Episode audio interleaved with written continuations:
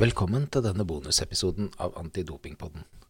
Vi har med oss tidligere proffsyklist Mats Kaggestad og tidligere topputøver i langrenn Ella Gjømle Berg for å snakke om hvordan det at konkurrenter blir tatt i doping påvirker deg som utøver. Og hvordan så du på det, Mats, når konkurrenter og kanskje også lagkamerater ble tatt i doping? Eh, jeg hadde ikke lagkamerater som ble tatt i doping så lenge jeg sykla i Kredi Recall, heldigvis, eh, så det var bra.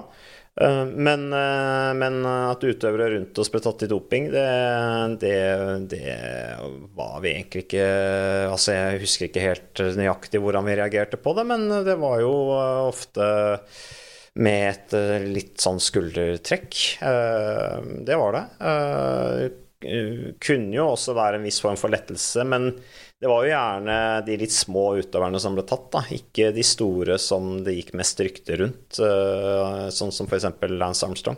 Så man var jo litt sånn forundra over at ikke det skjedde noe rundt de. Ja, ikke sant. Men det er ikke sånn at du føler deg snytt eller bitter for at utøvere som hadde noe i kroppen, har prestert bedre enn det du gjorde? Eh, jo, altså Det var jo noe vi hadde tenkte på, dessverre, en god del. Særlig hvis man ikke presterte. Eh, og så var det jo gjerne sånn når man eh, hadde bedre dager og presterte bedre, så tenkte man kanskje at nå var det blitt reinere og sånne ting. Så, så, det var litt sånn eh, men, men, det er klart at vi brukte en del mental energi, eller jeg brukte en del mental energi som ung på å tenke på, på, hvem som dopa seg, ikke dopa seg, og hva det eventuelt gjorde med nivået. Og vi brukte jo også mye tid på å snakke sammen om det på hotellrommet mellom etappen og ritten og sånne ting. Så, så det, det, tok en del energi, det gjorde det. Nå har kanskje ikke langrennssporten det samme ryktet som uh, sykkel har. Men eh, det har jo vært dopingsaker der òg. Snakka dere mye om det som utøvere? Ja, vi gjorde jo det. Eh, og jeg konkurrerte jo på verdenscupnivå fra 1998 til 2011. Eh, og det er jo klart at det var jo mange skiløpere utenlandske som da ble, ble tatt. Og, og, da ble det jo at vi, vi snakket om de sakene som vi fikk lese om i, i media. Mm. Og du har jo noen eh, personlige erfaringer om å virkelig bli snytt. Kan du si litt om det? Ja, det sitter jo i uh, resten av livet. Jeg har jo de litt kjipe fjerde- og sjetteplass fra OL bl.a. Og vet at utøvere har testet positivt for EPO i etterkant. Uh, men for sent til at det hadde påvirkning på resultatet i den OL-konkurransen. men man tenker jo sitt at den bruken har også foregått i forbindelse med, med, mesterskapene. Så det er klart at det er bittert og sitter i resten av livet. Og, og man har også vært på, på, samlinger og forberedelser til mesterskap. Jeg har en historie fra eh, Tauplitz Alm, eh, hvor vi bodde på et hotell. Eh, og for å komme dit så måtte man eh, ta snøscooter. Det var eneste veien frem på, på vinteren eh, var stengt. Eh, og vi ble kjørt dit med snøscootere og, og, bodde der og trente et par uker. Det samme gjorde det russiske laget. Vi spiste og trente og sov. Det var det man gjorde der. Plutselig en kveld hvor det er kveldsmat, så reiser hele det russiske laget seg opp fra spisesalen og forsvinner ut. Vi ser at det er lys i horisonten, og de blir borte. Så går det noen minutter. Um, og inn kommer det da dopingkontrollører og skal da teste oss. Og det gjør de jo. De får jo testet alle de norske utøverne. Men det russiske laget er jo da borte, og ingen uh, russiske utøvere blir uh, testet. Og det er klart at en sånn episode uh, sitter jo også veldig i, i, kroppen. Og man tenker jo Hvorfor forsvinner hele det laget? Um, man ja, syns det er egentlig helt eh, ja, forkastelig. Um, man blir veldig provosert. Uh, selv om ledere og trenere sier at man skal ha fokus uh, på det man får gjort noe med, så er det klart at uh, en sånn episode blir jo noe man snakker om i laget. Ja, ja når, når, du sier det, Ella, så husker jeg en tilsvarende historie fra Spania rundt i 2006. Da var det også, før rittet startet, så var det jo alltid rutinetesting og også plutselig altså, de kunne komme eh, om morgenen og, og, kjøre litt overraskende testing. Eh, sånn at eh, Da husker jeg også at vi bodde på samme hotellrom som Astana, og de bare De var ikke der. Eh, og det det syns vi var utrolig. For det første at de måtte reise av gårde for å, å rekognosere en etappe så tidlig om morgenen, det, det, var liksom ingen andre som gjorde det. Og at de da kunne slippe unna med å unngå å, være, å bli testa på den måten der, når de åpenbart hadde blitt varsla, det, det syns vi var også rart. Og, og, og det, som, det, som, det, som, er ille, er jo liksom hvordan, hvordan er dette her skjer i, i, i praksis? Altså, En ting er at de stikker av, men er det da folk høyere opp i systemet som varsler de, og sørger for at uh, Som har da kontakter med antidopingmyndighetene? Altså hvor er, er, er hele systemet korrupt? Eh, og det er klart, det, det, da, da, begynner man å miste litt troa på det man driver med, da. Ja, ikke sant. Og det har jo vist seg i ettertid at både Astana og det russiske langrennslandslaget har drevet systematisk doping. Du har jo allerede snakka litt om den bitterheten rundt nettopp det, Ella. Kan du si litt mer om det? Ja, altså Man føler jo på det som utøver eh, når man selv eh, legger ned en solid innsats for å nå Eh, den beste versjonen av seg selv, eh, gjør alt eh, etter boka lovlig, så, så blir det jo urettferdig å kjenne på at konkurrentene jukser, da. At man mest sannsynlig skulle kunne oppnådd andre resultater om alle hadde stilt til start med de samme forutsetningene ifølge regelboka, da. Det har jo ført til at eh, når jeg da fikk muligheten til å, å jobbe for en ren idrett og, og, jobbe for Antidoping Norge, så er det klart at det er noe jeg eh, brenner veldig for. Ja, for det har vi jo ikke sagt. Du jobber jo hos oss. Eh, hva jobber du med? Jeg er fagrådgiver og har ansvaret for alle særforbundene i Norge og alle toppidrettsutøverne. Jeg skal forhåpentligvis eh, jobbe for at det er ingen som havner i en eh, dopingsituasjon som vi eh, ja, har en ren idrett også i, i fremtiden, da. Ella, kan jeg bare stille spørsmål på, på hvilken måte skal du altså, Du jobber som en slags sånn bindeledd mellom Antidoping eh, Norge og særforbundene, litt som en sånn rådgivende juridisk eh, rådgiverrolle, da? Ja, det, det stemmer. Mm. Eh, og sørge for at alle særforbundene oppfyller eh, kriterier for å være rent særforbund. Mm. Eh, og at de har en handlingsplan eh, og en beredskapsplan dersom det skulle komme ut for en uh, situasjon med en positiv prøve. Mm. At man da vet eh, hva man skal eh, Hvilke steg man skal ta på veien videre, da. Men aller, aller helst eh, må vi jo sørge for at eh, ingen utøvere kommer i den situasjonen. Eh, og vi har jo helt klart en jobb å gjøre i forhold til å bevisstgjøre utøvere. Fordi vi hadde en undersøkelse nå i vår hvor det var masterstudenter som var inne i toppidrettsmiljøene ishockey og håndball bl.a. Og gjorde spørreundersøkelser. Og, og, svarene fra den spørreundersøkelsen var skremmende for min del å se. fordi det viste seg der at uh, alle uh, mente at det man fikk fra trener og leder, var greit å bruke. Mm. Og da tenker jo jeg at uh, med spesielt Johaug-saken så er det viktig at vi får det frem i bevisstheten hos utøvere at nei, du har det fulle og hele ansvaret for det du putter i din kropp som utøver. Mm. Du kan ikke stole på noen. Du må sjekke, og det er ditt ansvar. Ja, for det får veldig uheldige konsekvenser for deg hvis du tester positivt for doping. Og det er jo et viktig poeng. Men hvordan var det for deg, Mats, da du sykla for Credit Agricole? Fikk du noen gang noe av en lege eller andre i støtteapparatet som du ikke visste helt hva var? Uh, jeg kan vel egentlig si Ja, vi fikk jo ernæringsprodukter uh, uh, fra laget. Det gjorde vi. Uh, og vi fikk jo også de to første årene jeg var profesjonell, så fikk vi også intravenøst, fordi at det var fremdeles lov. Det ble forbudt i 2005, men i 2003 og 2004 så fikk vi intravenøst etter veldig harde etapper med, i ekstrem varme, f.eks. Så vi lå og fikk drypp i armen. Uh, men, uh, men det var jo da fra lagets lege. Uh, og uh, han hadde vi tillit til fordi at uh, laget hadde en, en veldig sånn streng politikk rundt det med doping.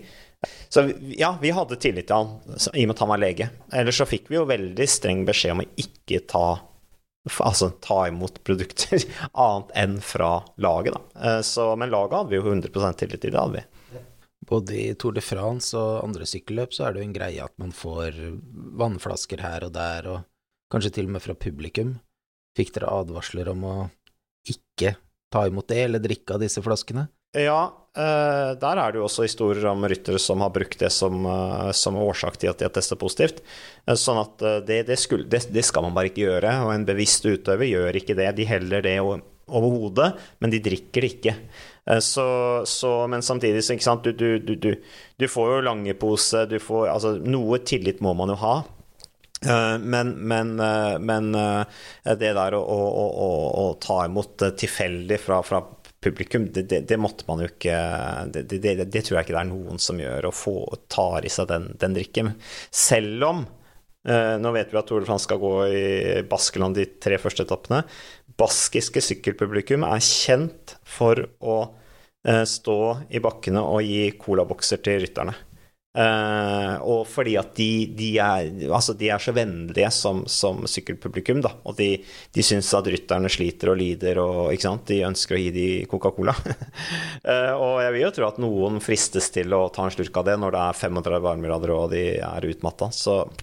Men ja, noe tillit må man alltid ha. Uh, og det er klart at man kan være uheldig, men det der, og Jeg ser jo det som Ella er inne på der, og blant unge mennesker i dag. altså jeg er jo litt sånn, I, et stort bilde så er jeg litt sånn bekymra for liksom, det med doping, at det er ikke noe som er så veldig oppe på agendaen, kanskje, uh, i, i, idretten.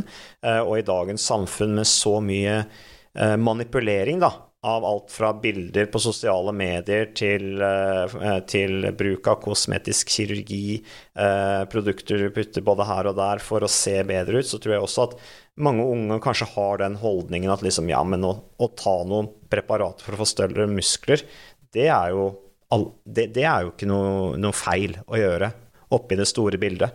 Så det er klart at man må jobbe veldig hardt i idretten for å bygge de holdningene rundt at nå er du en representant for idretten.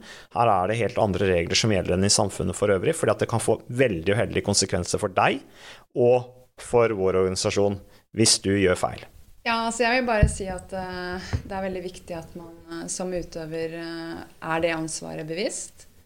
Eh, og så skal jeg jo innrømme at eh, det var eh, litt befriende ved å legge opp, da, at man slipper den eh, iboende frykten som man hele tiden har som utøver fordi man er redd for å få i seg noe ubevisst. da, eh, Fra noe man har spist eller eh, Ja.